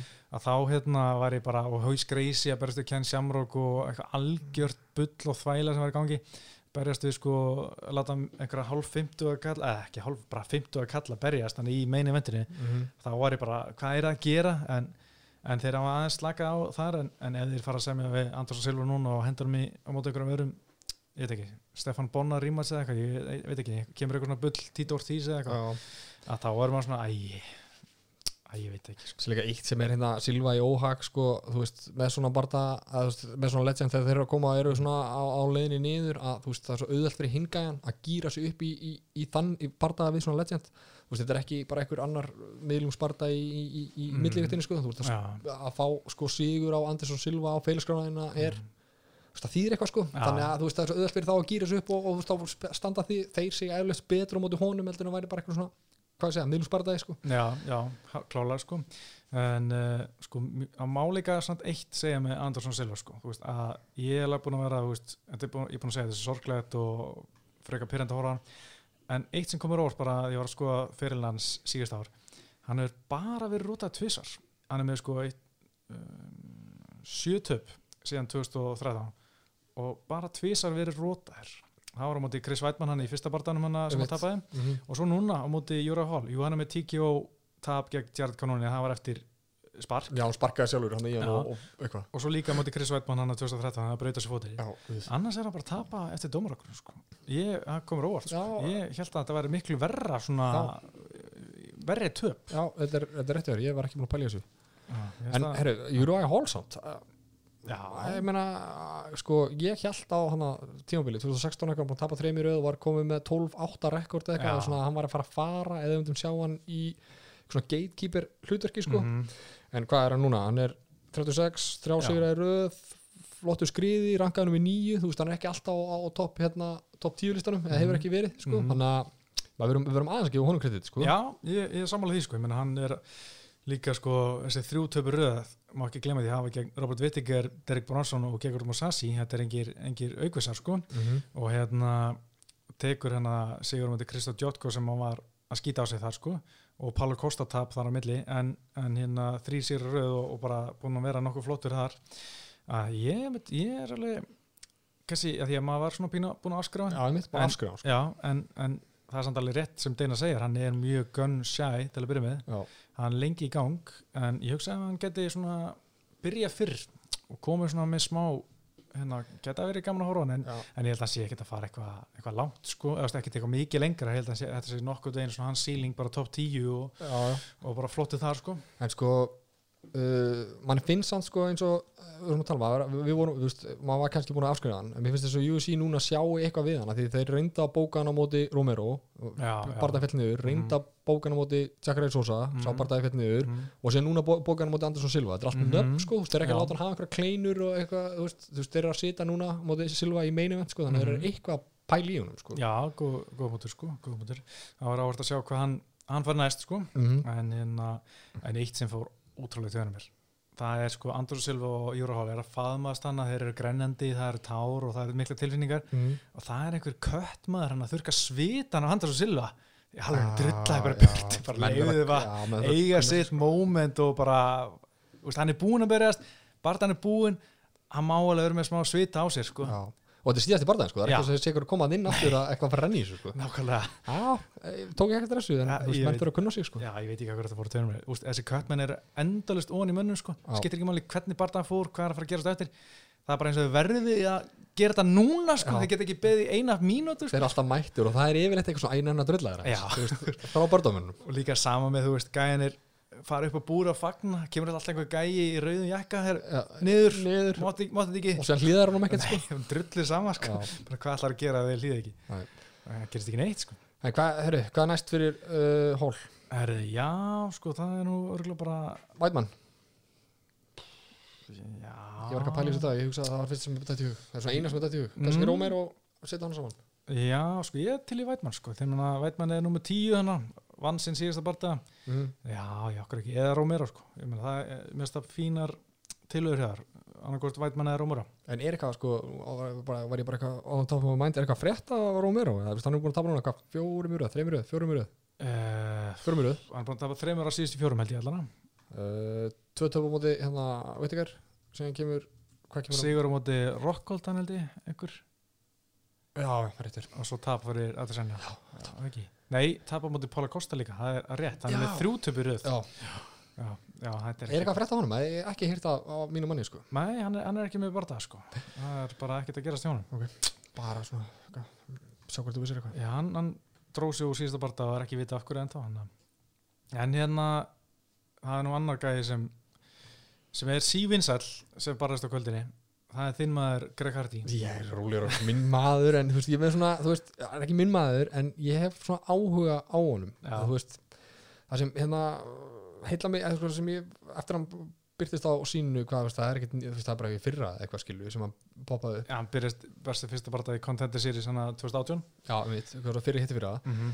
er að ESPN sem er núna ætla, er saman í UFC, þú veist, Mhm. þeim bara liggur mikið á hjarta að hafa hann eins framalega og hægt vera að pússa honum ekkert eðlilega mikið, sko, Mhm. af því hann var í NFL Mhm. náttúrulega, og með þessa fortíð sína, sko, Mhm. á, á, á, á bakinu að, þú veist, ég held að þetta selji ekkert eðlilega mikið í bandaríkjunum og Já. þú veist, þú ert að fá þá svo, í NFL er svo stór, stórt batteri í bandaríkjunum, sko, og, og margir sem eru að pæli, þú veist, þeir reyna að taka þann áhörndahóp aðeins inn á, þú veist, UFC, sko, því að hann er að slá, sko, ég held að Mhm. þú veist, að- það er mitt teika á þetta sko að, að, þú veist, þeir eru ídunum ekkert eðla, eðla hérna uh, framalega sko Einmitt, hann er alveg alltaf í svona, mjög ofalega kartinu sko. Já. en er einmitt alltaf eiginlega brá hérna ISBN sko, hann er ekkit mikið verið hann á einu pay-per-view held ég. Mm og ég veit ekki hvort hann var hvort hann hafi verið prílins þar mögulega manna ekki.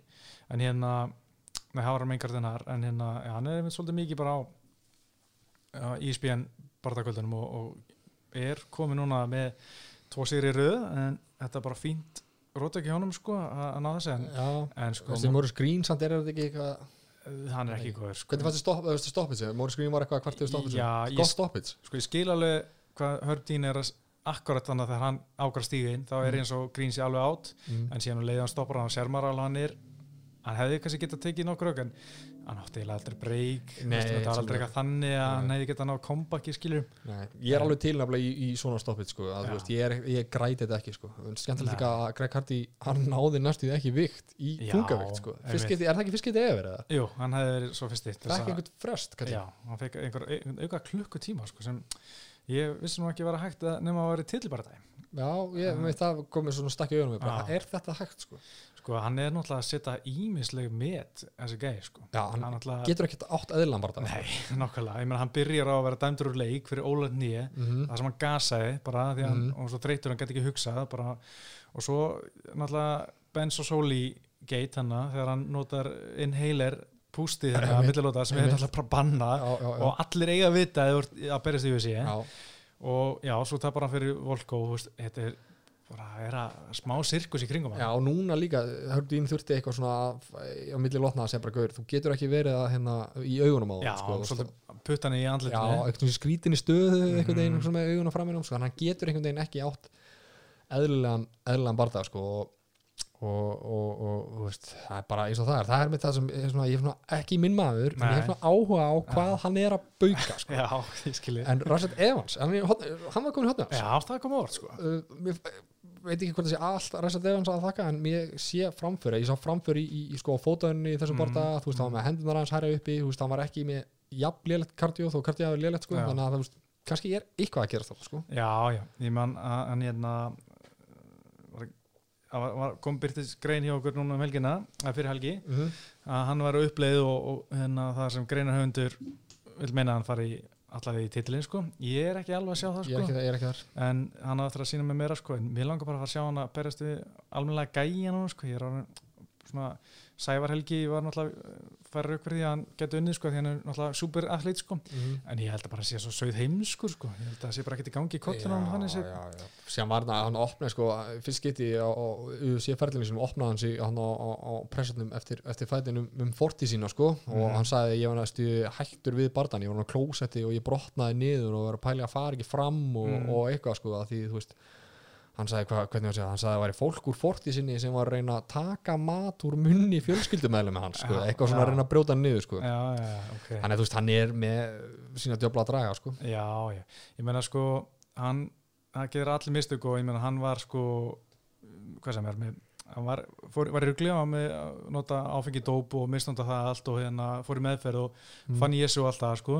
En það sem böggum alltaf sko hann var ákærður og fundin segur fyrir heimilisofbildi einmitt. En málið var tekið á næsta dómstegi þar sem sko vitni mætti ekki og málið var þar að leðandi fælt niður. Já, já, það var dómar sem dæmdan sko. veist, hann er búin að fá dóm sko. Hann er mjög alltaf svo bjánulegt að segja þú veist að hann hafi aldrei verið fund- fundin sigur, hann sé saklus maður sem hann er að segja, óna þetta bara frekar veist. Að það- það bögandi sko. Já, þetta er ekki, sko, það er, veist, það er, þess vegna er ekki hægt að segja þetta sé eitthvað minn maður, því veist, það er, svona- góð rauk fyrir því að hann hafi, hérna, veist, gert skelvilega hluti og, Mhm. og, og, allt það, sko, þannig að það er svo, en eitt með þetta E ESPN dæmi, uh, Mhm. sem kannski ekki tengt þessum bardaga, heldur þú að, sko, að núna eftir að ESPN er í samstarfi við, við UFC, að UFC og allan þessu peningur sem því fylgir sko, 750 miljón dólarar að þeir Mm. ná 40 fæts og allt það heldur þú núna að UFC þurfi ekki lengur þú veist, þeir þurfa ekki lengur Chocolate Della mútið Tito Týrs og þeir þurfa að mæta þurfa ekki Conor, þurfa ekki Rondo þess að Mm. núna er hérna, hann er alltaf að segja þetta núna í viðtölum hérna Dana White, já ég er ekki að neyða neitt til, að- til að berjast, sko, er bara bestu og best sko. Ég held að þeir cool? minna sko. Já. Eh, ekki eins og að þeir fá alltaf x upp að fyrir peipirugun Mhm. núna, það er sama hver- hvort það er 100 mann sem kaupa það eða, eða hérna 700.000 þá fá þeir fær auðvitað sömu upp að í vassan sko. Það er helviti þægilegt sko. þið konum miklu meira leverage sko, Já. á, á bardamennu sko, Mm. því að manni fannst það áður fyrir að sko, veist, ef þessi risastóri bardagi klikkaði einhver Mhm. drósið út eitthvað, veist, þá er bara veist, þá er árferðið þungt sko. Já, núna já, er deina einhvern veginn bara svona best bara þú best sko. já, það lítur samt að vera einhver pressa frá ISBN að herðu, við þurfum minna stærri nöfn á, þetta kartskiljur pottit já, og, það líka og þess vegna er auðvitað elskaðir Greg Hardy sko. já, en í mér stað sko, skrýta að vilja snert þetta sko, en að auðvitað samt ekki, skrýtu ekki því að þú veist þetta er það umdilt, hann er það umdildur í bandarækjunum Mhm. að þeir vilji bara umvefja hann auðvitað bómulum og hérna og hampa honum upp sem einhverjum hérna, einhver kompaksu og eitthvað þannig já, þegar hann er, þú veist, með mjög vafasama sögu sko. Já, en þú veist, þeir segja náttúrulega bara, ég er bara sko sagaskrána hans og hann er með tómaða sagaskrána Já. og segja bara það skilju Mhm. og síðan þú veist, er hann að örgulega að generata fullt af einhverju Já. áhorfi og einhverju, einhverju trafík og, og, einhverjum peningum sko, annars væri hann ekki alltaf á þessum Já, að skilju hverja frá þetta það það er rétt sko Herri, ég, nóg um hann kannski Nóg um hann. Bryce Mitchell og Andri Fili, hann var skemmtilega bara það e, já, já, var fín bara sko já, já. Ég er gaman að Bryce Mitchell sko Ég er svona uh, fyrir utan hann, ég held að segja algjör pulsa líka sko, svona, ekkert mikið í gangi hérstum, hann var, ég las nú ekki vitil hann bara tala um hvað hann fannst grímur var asnalegar og, og allt það, hann er trömpari það og, sko. og allt þetta sko mm -hmm. Veist, ég hef enga þólum að fyrir svona en einmann hann núna búin að vera hann er 5-0 í Já. ekki náða að klára marga, bara náða að klára einn og það með twister ja, með hann var það fer sko. svolítið langt á því sko Já, en, en hann er líka svona með svona skemmtilega glímustil, hann er að reyna að gera hluti en, en tekst kannski ekki alltaf en hérna en mér langar að sjá hann á móti mjög góðum glímingaði núna. Að hérna, hvert talaður, Ryan Hall eða? Það var alltaf klikka sko en, en ég held veginn að sé, sé ekki þar sko. En bara, má sjá kíkjum á, á stöðuna bara í fjárið, það er fullt að góðum sko líka gaman að sjá hann á móti kannski Edson Barbosa, einhver svona gæja sem getur verið með Mattsef, hann fór nú upp fyrir hann á, á rankingsum eftir, eftir Já. þannig að bara Bósa fór í 15 og, og, og Mitchell í, í 14 mm -hmm, og það er hann að solid gæðar sem að geta fara á móti. Danny G, mér hann alltaf mjög solid sko, mm -hmm. gott wrestling og hérna geti fara á móti honum. Uh, já, ég var til í að bara sjá meira á honum en uh, ég finnst hann, mér langar pínu að sjá hann lenda í vesinni það sem hann er ekki að taka niður hvað ætlar hann að gera standandi, já. svona hann langar að sjá hvað hann gerir. Hann er nefnilega í því sko, hann er svona þú veist, ég er ekki að bera hann saman við, við Khabib sko, en hann, er svona, þú veist, hann er alveg dominant og hann Mhm. á alltaf nóg í gastanknum fyrir næstu fellu sko, þetta er ekki ein, ein eða tvær fellur í lótu, þetta er bara, þú veist, tanga til í neðið niður og síðan er bara ground control. Já, já, en eins og með þennan bardaða sko, hann var bara með, hann, var með, hann var nýju mínútur eitthvað Mhm. með ground control í þessum bardaða sko, nýju af 15 sem er alveg rosalegt, en Já. hann gerði ekki nógu mikið í, í, sko, í gólunum hann Nei. fann ekki, hann fann ekki glöfur til að láta þunghögg hitta sko sem með fann svona frekar leiðilegt sko, að þú með allt þetta kontról sko, þú átt að geta fundið einhverstaðar þunghögginn sko, að koma þunghöggum inn. Já, maður verið til að sjá það. Og ég held sko að hann hafi tapað lútið tvö allan hjá einum dómara hann gerði ef, ef ekki tveimur, en hann ætti eiginlega að hafa tapað þeirri lóti því að Fíli gerði miklu meira skada miklu Mhm. meira svona impactful högg Mhm. í þeirri lóti á meðan Bryce Mitchell gerði ekki þegar hann á hann niður. Nei. hann var með hann niður í tvær en hann gerði ekki neitt.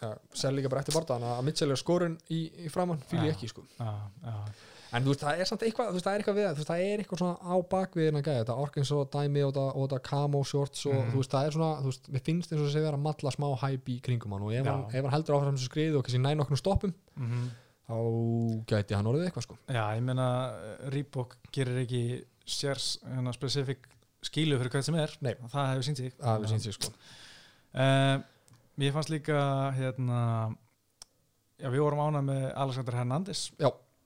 Hann pakkaði Chris Grútsmacher uh, saman. Já. en ég verð nú að segja að Chris Grútsmacher e, hann er ekki góður. Nei, ég man fyrir- eftir hún í já. og ég bara skildi ekki hvernig gæði hafi fengið samningu en hann var að berast í fyrsta sinn núna í tvö ár sko, tvö ár rúmlega. Já.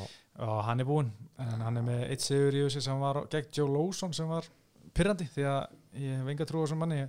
En hérna hann er búinn og, og Alexander Hernandez sko, hann kom með góðan punkt eða hvort það var í útsendingunni hann byrjaði að koma inn mjög seint gegn, eða svona með leitnótis gegn hérna Benil Darius og Mhm. róta hann mjög óvand eftir 42 sekundur mm -hmm. svo fekk hann Ólafur Open Mercier vann hann sem var bara gegja fer síðan bara í Don Cerrone, Trinaldo og Drew Dober þetta eru geggjaði gæjar.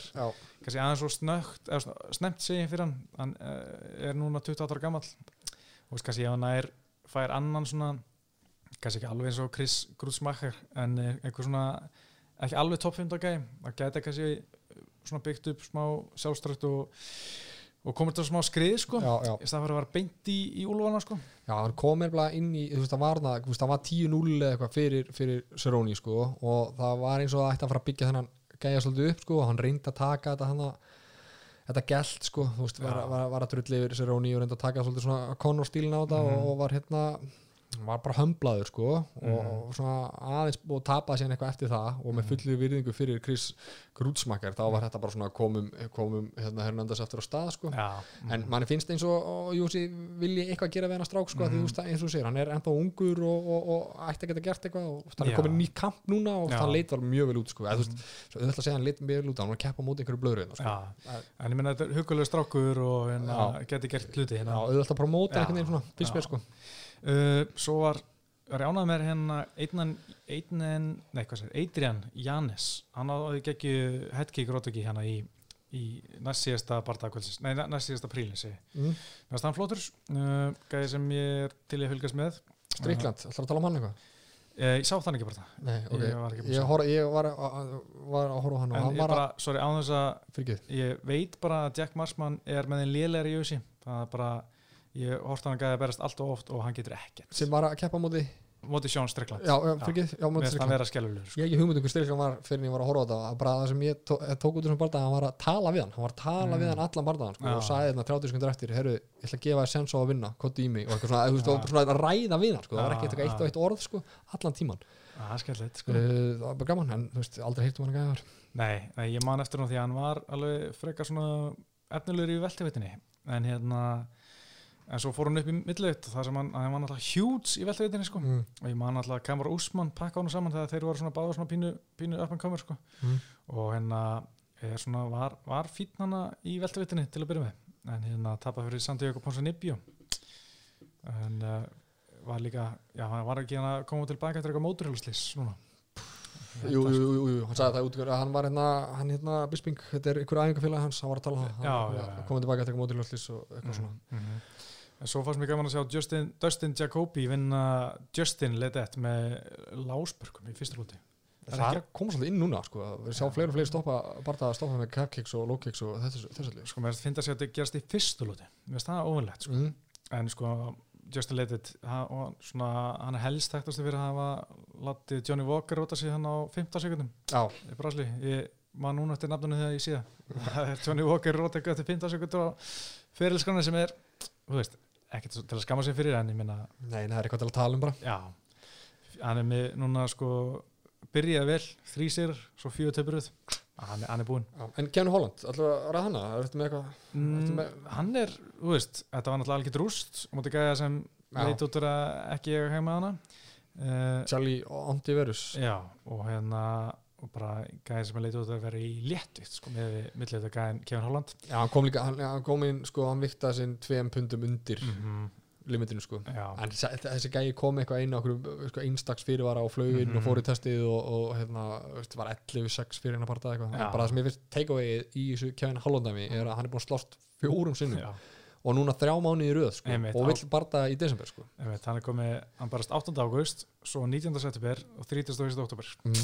Þetta er vel gert sko Já, og síðustu þrjú, barða eru allt finnis, ef ég man rétt hann gerir jafntefli við Darren Stewart já, splitti svona mútið Darren Stewart í að vann það Já, ok, vann, já, vann já. hérna, sagði áttu lík nei, ég myndi Sigur, Já, eftir, ok. eftir split Já, decision í, í ok. september sorry, já, hérna en hann vann alltaf Joaquin uh, Buckley, Buckley, sem var já. stjarnamánar í, síðasta mánuði. Einmitt. skellett. Uh, herðu, næsta kvöld. Það er Fyrir kannski fátum fína drætti fyrir utan uh, Main eventin Tíu Santos Glóti Sera, ég meina sko Andrea Lóski, Tanner Bóser Guðminn Almáttur, sko ég þessi feirill á Lóski ætlar aldrei að enda. Já, hva, hvað er að gerast þar? ég bara, sko hann er orðin 41 ás og ég man þegar hann kom í UFC aftur sko, hann kom í UFC hérna 2014 mm -hmm. uh, og fór á móti Brenda Sjáp og sko það er þá voru þrjú ár sem maður held að hann væri búinn þegar hann tapaði fjóru sem er röð og voru þrjú brútal rótök röð sko þá var hann 15.9 2011 þegar maður held bara já, þetta, er komið gott. En hann einhvern veginn fór okkar skrið komst í USA 2014 og hann er bara ennþá þráttur, hann, hann lifiði af 5 töpur röð og fjóra barndagir röð á hans að vinna sem, just, er þetta ekki, sem tekur alltaf eitthvað svona, þú veist, að- tapar, vinnur síðan einn, tapar þrejum, vinnur, er, þetta ekki svona sirka eitthvað, þannig er eitthvað svona undarfærið það? Jú, sko, hann er með sigur, tap, sigur, tap, no contest, tap, tap, sigur, sigur, tap, tap, tap, tap, tap, sigur, sigur, sigur. veist. Klín alltaf inn eitthvað svona skilju, en þú veist, en að, þú veist, hvað er ég sé að gera að setja hann eitthvað í main event, sko, að þetta er í þú veist, ég- hvað er ekki að gera þetta? Þú veist, En sko, Tanner Bose er, eh, ég held að þetta sé algjör svona, er þetta ekki hann að Kanadamaðurinn hann sem er, Ég bara veit ekkert hvað maður þetta er, sko. já, byrju nú, við, já, nú, nei, herri, ég er rugglast, ég ég veit ekki hvað alveg hvað þetta er. En er ekki bara, þú veist, ég- mitt tekja orðið er að, þú veist, ok, þetta er mikilvægur, mikilvægur barndað hérna eventi og síðan að vera að setja eitthvað svona, herru, kannski fáið rótöku við setjum með eitthvað tvo jálka saman í event og getur reynt að selja þetta. Já, sko, vonandi, þeir kannski vonast eftir að Tanner Bose er Róti Arlovski til þess að koma út eða þú veist, Já, já. hann Róta Arlovski sko það var relevant árið 2014 síðast sko, Róta Arlovski sko. uh, svo finnst mér Ian Hænus og Brendan Allen mér finnst það áhugaverðast í bardaði kvöldsins fyrir þann minnivætti Já. því að ég er mjög spenntur fyrir að sjá Brendan Allen því að þetta gæði sem er sko, sko ég byrja að fylgjast með honum að tók eftir hann þegar hann vann minn mann Tom Breeze í februar Mm. hann eiginlega bara pakka hann saman hann náði að svípa honum og tíkja hann í gólunu í fyrstu lótu og gerði bara ókslega vel. Og síðan uh, er, er núna orðin 3-0 hann nefnd kláraði Kevin Holland í fyrsta barðan sinni í USA uh, það var í oktober fyrra. Og er sko með nokkra flotta síra og hérna töpuna sér allt gegn góðum aðstæðingum utan USA uh, Treven Giles, Erik Ander, Antoni Hernandez allt gæðar sem er í USA í dag. Já, hvað er rekordið hans? uh, 15-3 23. og ég er spenntur að sjá hvað hann gerir núna. Og líka bara einhvern veginn, gæði svona stödd, skilur Já. hann fer eitthvað flug þá er auðvitað að prófa þetta, sko, með Mhm. sítt og langt hár og með flott tattoo og eitthvað svona. við fýlum það. Ef við fýlum það. Talandi um það, talandi um tattoo, svo þetta er tattoo sem Lee var á sér, upp nakan, ég sá bara svona screenshot á, hérna. Twitter. Það er gott að vinni með þetta, sko. Ah, Ég vona safni hári bara Þetta er ekki, ekki máli sko. En uh, Ian Hænis, ég held að það er einhver player í, í millileitinni þegar hann eh, vann hérna Antonio Carlos Jr.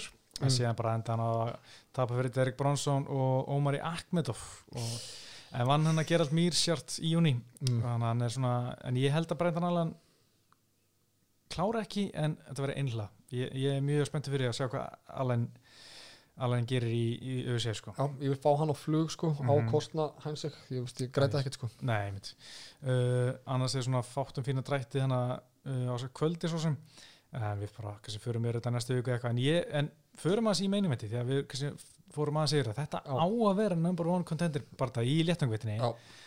en sko þeir hljóta hafa verið svektustu menni heimi að með fréttir af Adesanya Já. að þeir bara herrið, ok, þá bara er þessi bardaði ekki eins þýninga mikill og ég held Það er góða punktur, alltaf að hafa einhverja þýðingu, sko, að þú veist, þetta er, þú veist, fyrir þá sem bardamann að, þú veist, af hverju er ég eitthvað að fara að gera mig upp og af hverju á ég að Mhm. gefa allt, eða þú veist, að gera það náttúrulega, en þú veist, það hlýtur að hafa einhver áhrif að vitandi, þú veist, haldandi það, þú veist, ef ég vinn þennan bardaða þá er ég að fara í titabardaða, en Mhm. núna er það ekki, þú veist, þetta er, þetta er svona bömmir, skilur og ég er að pæla að, þú veist, hvað áhrif alltaf að hafi, sko.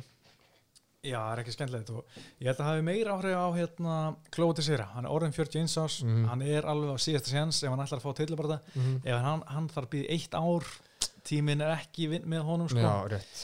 en Diego Santos, og hann er ekkit unglap hann er orðin 36 ára gammal, en hann er náttúrulega ekki bara síðan að tapa fyrir John hann í júli fyrra. Mm og hann er hungraður hann er Já. örugglega mjög æstur í að, að fá að berjast og ég held að hann klári gamla mannin bara strax í, fyrsta lótu sko.